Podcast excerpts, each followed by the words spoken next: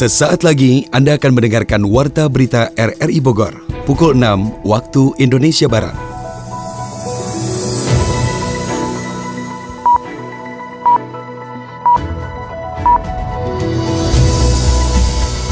Selamat pagi, salam jumpa. Kami kembali hadir dalam Warta Berita pagi ini, Kamis 21 Januari 2021. Siaran ini juga dapat Anda dengarkan melalui audio streaming RRI Play dan juga dapat Anda dengarkan kembali melalui podcast kami di Spotify, Anchor, Podtail, dan Google Podcast. Warta Berita RRI Bogor ini juga turut disiarkan Radio Tegar Beriman Kabupaten Bogor. Berikut berita utama pagi ini. Menteri Koordinator Bidang Pembangunan Manusia dan Kebudayaan Muhazir Effendi mengungkapkan ada pembenahan mendasar yang harus dilakukan di atas lahan milik PT PN 8 Gunung Mas Cisarua Bogor. Termasuk teh tidak boleh ditanam di situ, tapi nanti ditanami tanaman keras dan plus tanaman perdu yang berjenis vetiver itu. PD Pasar Pakuan Jaya terus menjaga pasokan sembako agar tetap bisa memenuhi kebutuhan masyarakat di saat pandemi COVID-19. Harga daging katanya melonjak tinggi, sekarang harga daging kalau nggak salah dari sananya 11,5 karena dari luar nggak bisa masuk. Pemkot Bogor mendorong produksi ventilator buat buatan lokal untuk mencukupi kebutuhan perawatan pasien COVID-19 di rumah sakit rujukan. Meninjau langsung pelaksanaan uji coba uh, ventilator made in Kota Bogor. Saya Nasrullah Alwi, inilah Warta Berita selengkapnya. Menteri Koordinator Bidang Pembangunan Manusia dan Kebudayaan Muhazir Effendi mengungkapkan ada pembenahan mendasar yang harus dilakukan di atas lahan milik PT PN 8 Gunung Mas Cisarua Bogor. Salah satunya peralihan tanaman dari tanaman teh ke tanaman vetiver, termasuk pengawasan ketat pemukiman warga yang berada di atas lahan tersebut. Yofri Haryadi melaporkan. Kerusakan lingkungan di hulu sungai Cisampai diduga kuat menjadi penyebab banjir bandang di Kampung Gunung Mas dan Cisampai, Desa Tugu Selatan, Cisarua, Bogor. Meski tercatat sebagai daerah konservasi resapan air dengan larangan tegas untuk tidak melakukan penebangan, faktanya longsor dan pergerakan lahan terjadi hingga mempersempit aliran sungai yang bermuara ke Ciliwung itu. Dalam kunjungannya ke lokasi pengungsian warga di Wisma dan fasilitas milik PTPN 8 Gunung Mas, Cisarua, Bogor, Menteri Koordinator Bidang Pembangunan Manusia dan Kebudayaan Muhajir Effendi mengungkapkan ada pembenahan mendasar yang harus dilakukan di atas lahan milik PT PN 8 Gunung Mas Cisarua Bogor. Salah satunya peralihan tanaman dari tanaman teh ke tanaman vetiver, termasuk pengawasan ketat permukiman warga yang ada di atas lahannya. Termasuk teh tidak boleh ditanam di situ, tapi nanti ditanami tanaman keras dan plus tanaman perdu yang berjenis vetiver itu. Saya datang ke sini termasuk dalam rangka untuk memastikan bahwa nanti akan ada langkah-langkah konkret dari pihak PTP. Itu soal eh, kita lihat nanti kapasitas atau berapa kebutuhannya, apakah perlu ada dukungan dari dinas terkait, baik itu dari Kementerian Kehutanan, kemudian juga BNPB atau cukup dihandle oleh oleh pihak PTP. Nanti saya akan bicara juga dengan Pak Menteri BUMN. Secara umum tidak ada korban jiwa dalam musibah tersebut. Hanya saja warga di 2 RW dan 4 RT di Desa Tugu Selatan tersebut harus diungsikan sementara ke lokasi yang aman. Pemerintah pusat masih harus mengkaji kembali apakah lokasi pemukiman para pekerja pemetik teh masih relevan dihuni atau sebaliknya harus direlokasi ke tempat yang lebih aman. Bupati Bogor Ade Yasin mengungkapkan hal utama yang dilakukan adalah penanganan bagi para pengungsi khususnya usia rentan dan balita. Pihaknya juga terus memantau agar di tengah kondisi pandemi COVID-19, para pengungsi tetap menerapkan protokol kesehatan. Penyebabnya sendiri longsor ya, longsor entah dari mana, apakah kita sedang tunggu laporan ya, apakah itu akibat dari uh, pengelupasan di hutan atau kebun teh, saya belum secara resmi atau lengkap mendapatkan informasi tapi yang jelas yang penting selamatkan dulu masyarakat eh, evakuasi dulu setelah itu baru uh, yang lain-lain. Korban nyawa tidak ada hanya ada beberapa empat, sekitar 400an yang dievakuasi ke salah satu tempat yang memang cukup aman. Langkah selanjutnya pertama itu tadi mengevakuasi masyarakat. Karena ini masa pandemi juga kan tidak boleh berkerumun dalam satu aula gitu ya jadi kita juga sedang siapkan tempat yang memang cukup untuk mereka beristirahat. Lalu setelah itu tim BPBD, Tagana dan beberapa tim terkait bencana untuk mulai evakuasi yang lain-lain. Hingga saat ini jumlah pengungsi yang menempati wisma dan villa serta fasilitas milik perusahaan pengolahan teh Gunung Mas tercatat ada 161 kepala keluarga. Sebagian besar dari mereka ada yang keluar dari pengungsian memilih untuk tinggal bersama kerabat keluarga di lokasi yang lebih aman. Meski tidak ada korban jiwa, namun kejadian tersebut menjadi atensi karena selama puluhan tahun baru kali ini terjadi luapan kali Cisampai. Lebih jauh mengenai kerawanan bencana alam dan bencana ekologi di Bogor dan Jawa Barat, berikut petikan wawancara Yofri Haryadi dengan Direktur Eksekutif Walhi Jabar, Meiki W. Paendong. Kami juga sudah bersama dengan Direktur uh, Wahana Lingkungan Hidup uh, Jawa Barat, Kang Meiki yang sudah tersambung di penghujung telepon yang akan kita ajak uh, berbincang terkait dengan uh, fenomena banjir yang ada di Bogor khususnya dan juga di Jawa Barat tentunya. Kita sapa Assalamualaikum Kang Meiki. Waalaikumsalam. Alhamdulillah. Alhamdulillah. Bang Meiki, kita ngobrol mengenai lingkungan dan juga perubahan cuaca termasuk tingginya curah hujan dan cuaca ekstrim yang ada di Jawa Barat ini Kang Meiki. Kang Meiki bisa ceritakan sejauh mana kelestarian alam kita nih, bumi Jawa Barat yang subur, makmur, yang pastinya juga rawan bencana.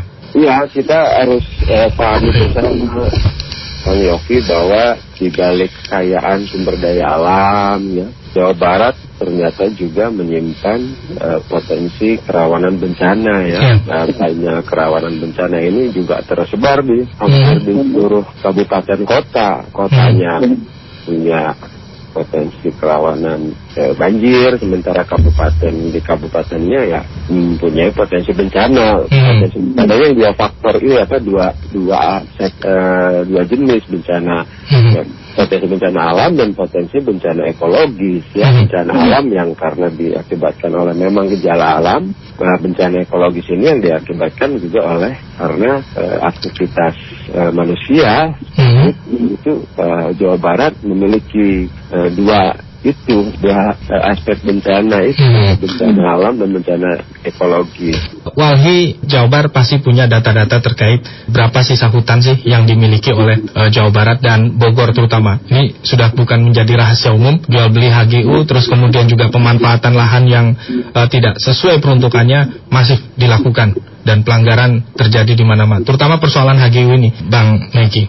Kalau secara global kan tutupan lahan kawasan hutan Jawa Barat masih di atas 30 persen. Ya. Secara, secara untuk provinsi, Hmm. kalau kabupaten ini memang Kabupaten Bogor berpur di, di bawah 30 persen. Hmm. Ya ketentuannya kan eh, menurut peraturan undang-undang tata ruang Hmm. harus di atas segitu ya, apalagi ancaman terbaru nanti akan berlaku karena di Undang-Undang Cipta Kerja tidak ada ketentuan seperti itu. Tutupan lahan 30% itu sudah tidak akan eh, berlaku lagi. Nah itu ancaman baru sebenarnya ke depan kan? seperti itu.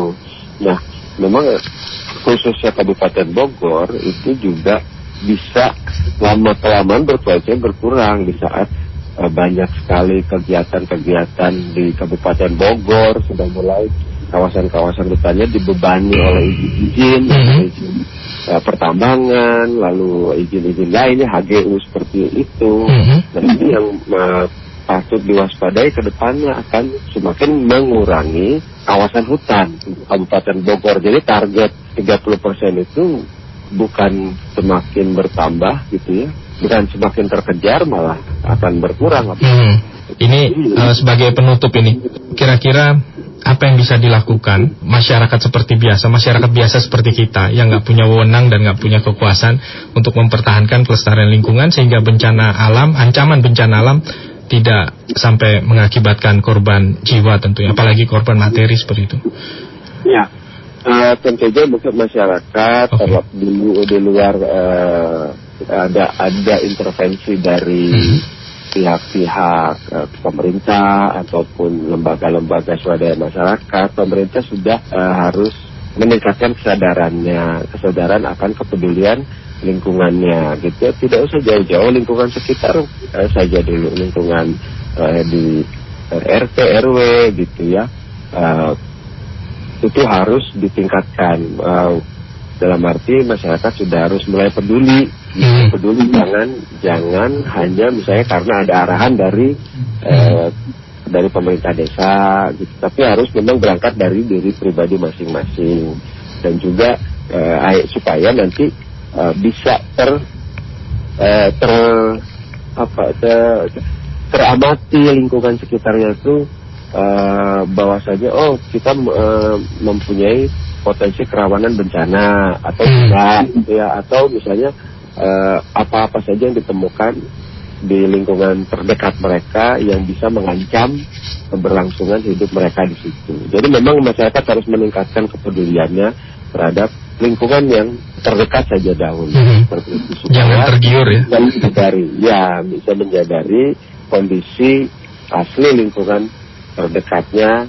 uh, mengancam atau tidak gitu. Kalaupun misalnya ada ancaman-ancaman kecil itu kan bisa cepat-cepat diatasi oleh masyarakat sendiri yang sebenarnya masyarakat sudah berdaya kan, sudah mampu gitu. Tinggal kepeduliannya di- ditingkatkan seperti itu. Oke.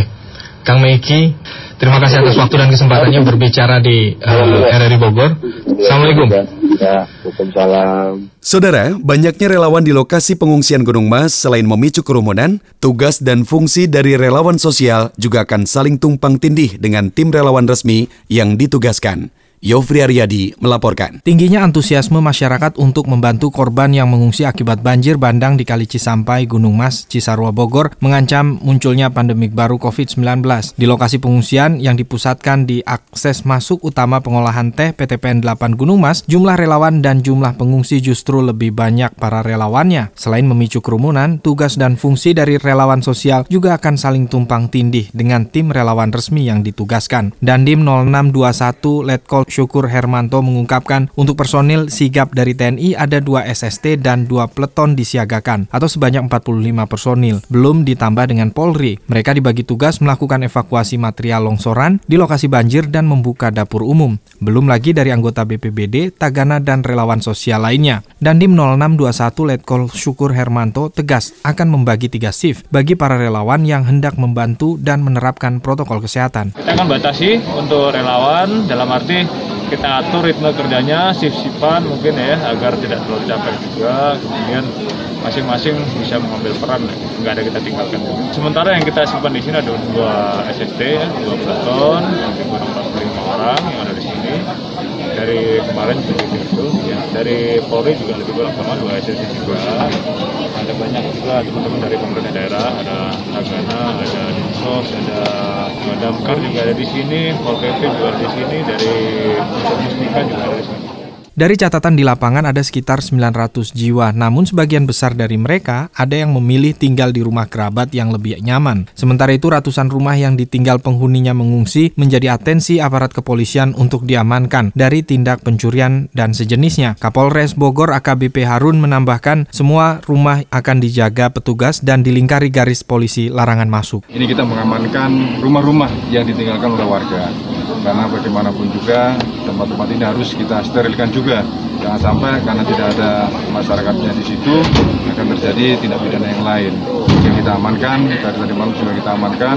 Bahkan kita buat ada beberapa di tempat eh, kita buatkan polisi lain juga untuk menandakan warga tidak boleh melintas di situ. Rumah yang kita fokuskan kemarin yang ditinggal kosongkan itu ada 4 RT kemudian 2 RW. Karena kita melihat ini antara yang relawannya dengan yang terdampak. Ini kan hampir banyakkan relawannya. Sementara itu kondisi cuaca di Cisarua sejak Rabu sore masih diliputi awan mendung dan turunnya kabut. Para relawan yang berada di pengungsian secara umum kondisi kesehatannya baik dan bantuan makanan serta obat-obatan disediakan petugas dengan penerapan prokes COVID-19.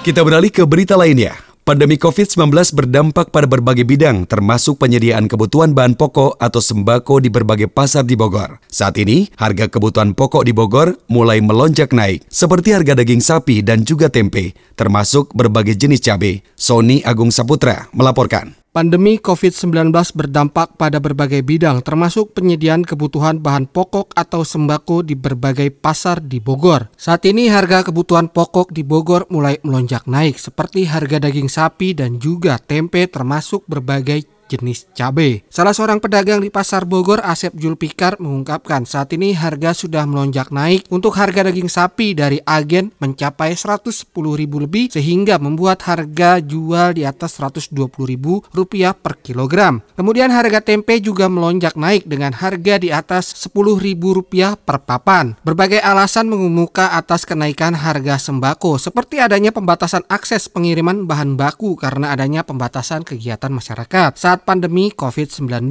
Kemudian bahan baku lainnya seperti kedelai untuk produksi tahu dan tempe yang harganya masih tinggi. Harga daging katanya melonjak tinggi. Sekarang harga daging kalau nggak salah dari sananya 11.5 karena dari luar nggak bisa masuk. Jadi harga daging lokal naik melesat. Melonjaknya harga tersebut mengakibatkan sepinya animo masyarakat untuk berbelanja ke pasar sehingga membuat para pedagang termasuk Asep Julfikar barang dagangannya tidak laku. Dirinya berharap harga bahan baku kembali normal seperti sedia kala sehingga daya beli masyarakat kembali meningkat. Parah banget, sepi banget, parah, parah, parah. Ya kalau sistem bertahan, cuman saya sebagai saya pedagang, kalau minta turunin harga sesuai kayak yang dulu lagi. Tolonglah minta kepada rekan-rekan kalau bisa turun kembali. Kasihan, emang situasi pasar gini lagi sepi banget, emang dari pagi sampai sekarang pun sepi. Yang belanja paling satu dua orang, itu juga nungguin hitung jam. Fluktuasi harga sembako diperkirakan masih akan terjadi dalam waktu dekat. Pemerintah diharapkan mengendalikan dan menjaga stabilitas harga pangan agar terjangkau oleh masyarakat. Fluktuasi harga sembako di sejumlah pasar di Kota Bogor mendapat tanggapan dari masyarakat. Berikut penuturan sejumlah masyarakat kepada RRI. Saya Ica, masyarakat Kota Bogor, berharap harga bahan baku kacang kedelai itu bisa stabil kembali di mana kami bisa membeli bahan makanan pokok khususnya tahu dan tempe yang menjadi bahan makan kami sehari-hari itu bisa stabil gitu. Kembali stabil seperti harga awal yang kami biasanya beli dengan harga 5.000 saat ini kami harus membeli dengan harga 10.000 jadi semoga pemerintah khususnya bisa mencari solusi agar harga sembako khususnya atau ya kacang kedelai menjadi kembali stabil. Saya Nadia, warga Bogor Barat. Semoga saya berharap pandemi segera berakhir dan harga-harga juga bisa kembali normal lagi. Saya Bu Eka dari Kemang, Bogor. Sebagai ibu rumah tangga, saya merasa cukup kesulitan ya dengan kenaikan harga daging atau tempe. Apalagi itu makanan sehari-hari kita gitu. Belum ada alternatif lain yang bisa menggantikan makanan pokok protein ini. Mudah-mudahan pemerintah punya solusi. Terima kasih. Nama Irma El Priadi dari Yasmin. Ya mengenai fluktuasi harga ya terus terang sih kalau alhamdulillah kalau secara pribadi kami memang tidak terimbas secara langsung, tapi dengan adanya fluktuasi harga tentunya akan berpengaruh banyak kepada masyarakat, terutama masyarakat menengah ke bawah, termasuk ya di dalamnya adalah buruh-buruh harian. Ya dengan harapannya adalah pemerintah bisa mengatur kondisi harga supaya tidak terjadi kenaikan yang signifikan sehingga kebutuhan pokok dan lain-lain bisa tetap terpenuhi dengan baik oleh masyarakat. Saudara, PD Pasar Pakuan Jaya terus melakukan aktivitas untuk menjaga pasokan barang sembako agar bisa tetap memenuhi kebutuhan masyarakat di saat pandemi COVID-19. Pada sejumlah pasar di Kota Bogor, memang sempat terjadi fluktuasi harga, terutama daging sapi yang mengalami lonjakan harga sehingga mencapai Rp120.000 untuk satu kilo daging sapi. Kepala Unit Pasar Warung Jambu, Hilman mengungkapkan, saat ini pihaknya terus meyakinkan masyarakat untuk tetap berbelanja di pasar tradisional karena pasokan tetap tersedia untuk seluruh bahan kebutuhan pokok. Jadi mereka itu tidak ikut-ikutan yang soal demo daging itu. Nah untuk stokan sendiri mereka uh, pasti punya freezer aman lah istilahnya untuk stokan itu. Saya sih akan mereka tetap punya uh, stok barang ya. Artinya jangan sampai ada barang yang itu bisa menimbulkan harga naik lagi. Untuk harga sekarang masih di 120-an. Pihaknya juga mengantisipasi jika terjadi lonjakan harga dengan melakukan koordinasi dengan kantor pusat Perumda Pasar Pakuan Jaya agar siap dalam menyediakan komoditi sejumlah kebutuhan pokok jika terjadi kelangkaan. Fluktuasi harga komoditas pangan di Kota Bogor akan kami angkat dalam Bincang Pagi RRI Bogor hari ini, Kamis 21 Januari 2021, mulai pukul 8.00 waktu Indonesia Barat. Pemerintah Kota Bogor mendorong produksi ventilator buatan lokal untuk mencukupi kebutuhan perawatan pasien COVID-19 di rumah sakit rujukan. Adi Fajar melaporkan. Ketersediaan ventilator sebagai alat bantu pernapasan bagi pasien COVID-19 di Kota Bogor kondisinya masih minim seiring perkembangan kasus COVID-19 yang terus meningkat. Menyikapi hal itu, pemerintah Kota Bogor mendorong produksi ventilator buatan lokal untuk mencukupi kebutuhan perawatan pasien COVID-19 di rumah sakit rujukan. Wakil Wali Kota Bogor, Dedi Rahim mengungkapkan, saat ini terdapat ventilator buatan warga Kota Bogor yang tengah diuji coba di Rumah Sakit PMI Kota Bogor untuk selanjutnya diuji coba dan disertifikasi dari Kementerian Kesehatan. Kesehatan. Setelah lulus uji coba dan disertifikasi Kemenkes, selanjutnya ventilator ini akan diproduksi secara massal guna pemenuhan kebutuhan untuk seluruh rumah sakit di Indonesia. Kita mengunjungi ya rumah sakit PMI Bogor uh, dalam rangka meninjau langsung pelaksanaan uji coba uh, ventilator made in Kota Bogor.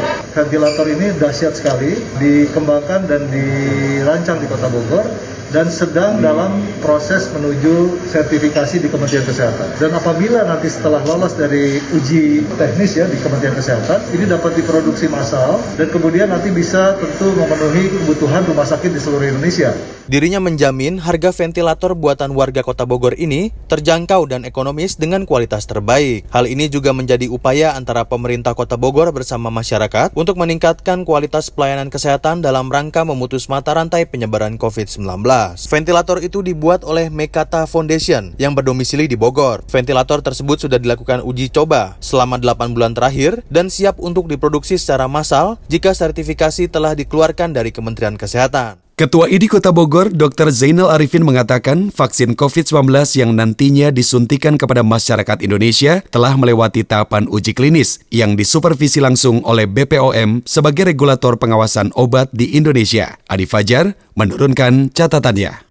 Program vaksinasi tengah dilakukan pemerintah sebagai upaya mengakhiri pandemi COVID-19 di Indonesia. Presiden, kepala daerah dan sejumlah tokoh di Indonesia telah membuktikan keamanan dan kehalalan vaksin COVID-19 yang nantinya akan disuntikan kepada masyarakat Indonesia. Ketua ID Kota Bogor, Dr. Zainal Arifin mengatakan, vaksin COVID-19 yang nantinya disuntikan kepada masyarakat telah melewati tahapan uji klinis yang disupervisi langsung oleh BP POM sebagai regulator pengawasan obat di Indonesia. Vaksin akan membentuk antibodi pada tubuh manusia terhadap virus corona yang diharapkan dapat menekan angka penyebarannya. Namun begitu, vaksin hanya menjadi salah satu jawaban untuk mengakhiri pandemi ini. Hal yang mendasar dikatakan Dr. Zainal adalah penerapan pola hidup sehat dan disiplin protokol kesehatan harus tetap dilakukan masyarakat guna mendukung terbentuknya imun dalam tubuh. Dengan pencanangan vaksinasi ini diharap juga di rakyat Indonesia itu memiliki kekebalan terhadapnya. Walaupun begitu, tidak berarti segala-galanya karena vaksinasi itu memberikan kekebalan tubuh dan masih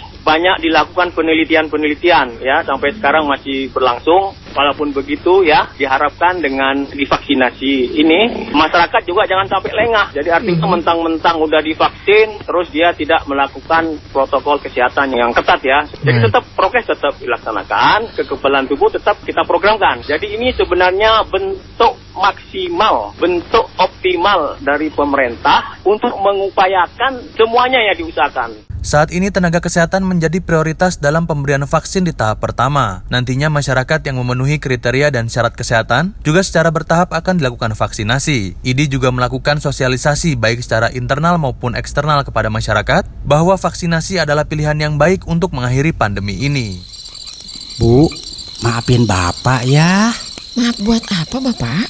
Sekarang ini situasi keuangan keluarga kita sulit gara-gara pandemi. Ah, nggak apa-apa pak. Namanya juga roda kehidupan. Pasti terus berputar. Yang penting mah tetap berusaha bapak. Tapi berat rasanya bu. Bapak nggak sanggup. Keuntungan usaha kita aja pas-pasan. Pak, saat manusia di tengah keterpurukan, selalu ada jalan keluar untuk bangkit dan tetap maju. Hmm, sampai kapan begini ya? Jangan patah semangat atuh pak. Ibu dan anak-anak selalu berdoa supaya usaha bapak berkah, lancar buat keluarga kita. Amin. Doakan selalu ya bu. Iya. Kini kita beralih ke berita ekonomi. Setengah triliun rupiah lebih dana asing membanjiri pasar saham domestik pada perdagangan bursa Rabu 20 Januari 2021. Melansir dari RTI, nilai beli bersih yang terhimpun dalam hari Rabu kemarin mencapai 529,51 miliar rupiah. Dengan suntikan dana tersebut, IHSG menguat hingga akhirnya ditutup hijau 1,31 persen ke level 6.404,83 poin pada sesi pertama. Gerak IISG dalam setengah hari perdagangan kemarin berada di level terbawah 6.299,39 poin hingga level tertinggi 6.415,80 poin. Sejumlah 12,89 miliar saham diperdagangkan dengan frekuensi 1.7390 kali dan membukukan nilai transaksi harian sebesar 14,26 triliun rupiah. Pergerakan saham yang terpantau meliputi 270 saham naik, 205 saham turun, dan 133 saham lainnya stagnan. Menteri Keuangan Sri Mulyani Indrawati mengungkapkan pemulihan perekonomian nasional baru mulai tumbuh pada kuartal 2 2021. Artinya, ekonomi nasional masih akan terdampak COVID-19 di kuartal pertama tahun ini. Hal tersebut diungkapkan Sri Mulyani saat rapat kerja bersama Komite 4 Dewan Perwakilan Daerah secara virtual pada Selasa lalu. Sri Mulyani menjelaskan kondisi ekonomi nasional yang masih belum terakselerasi karena peningkatan jumlah kasus positif COVID-19 yang masih fluktuatif. Belum lagi, pemerintah tengah memperlakukan PSBB ketat di Jawa Bali yang telah dimulai tanggal 11 Januari hingga 25 Januari 2021 mendatang. Mantan Direktur Pelaksana Bank Dunia itu tetap optimis pemulihan ekonomi nasional terjadi dikarenakan pemerintah sudah berhasil mengadakan vaksin COVID-19.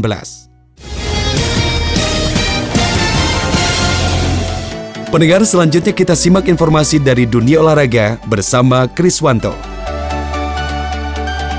Premier League atau kompetisi teratas Liga Inggris Rabu dini hari waktu Indonesia Barat kemarin memainkan dua partai tunda pekan ke-18. Leicester City berhasil mengalahkan Chelsea untuk merebut puncak klasmen.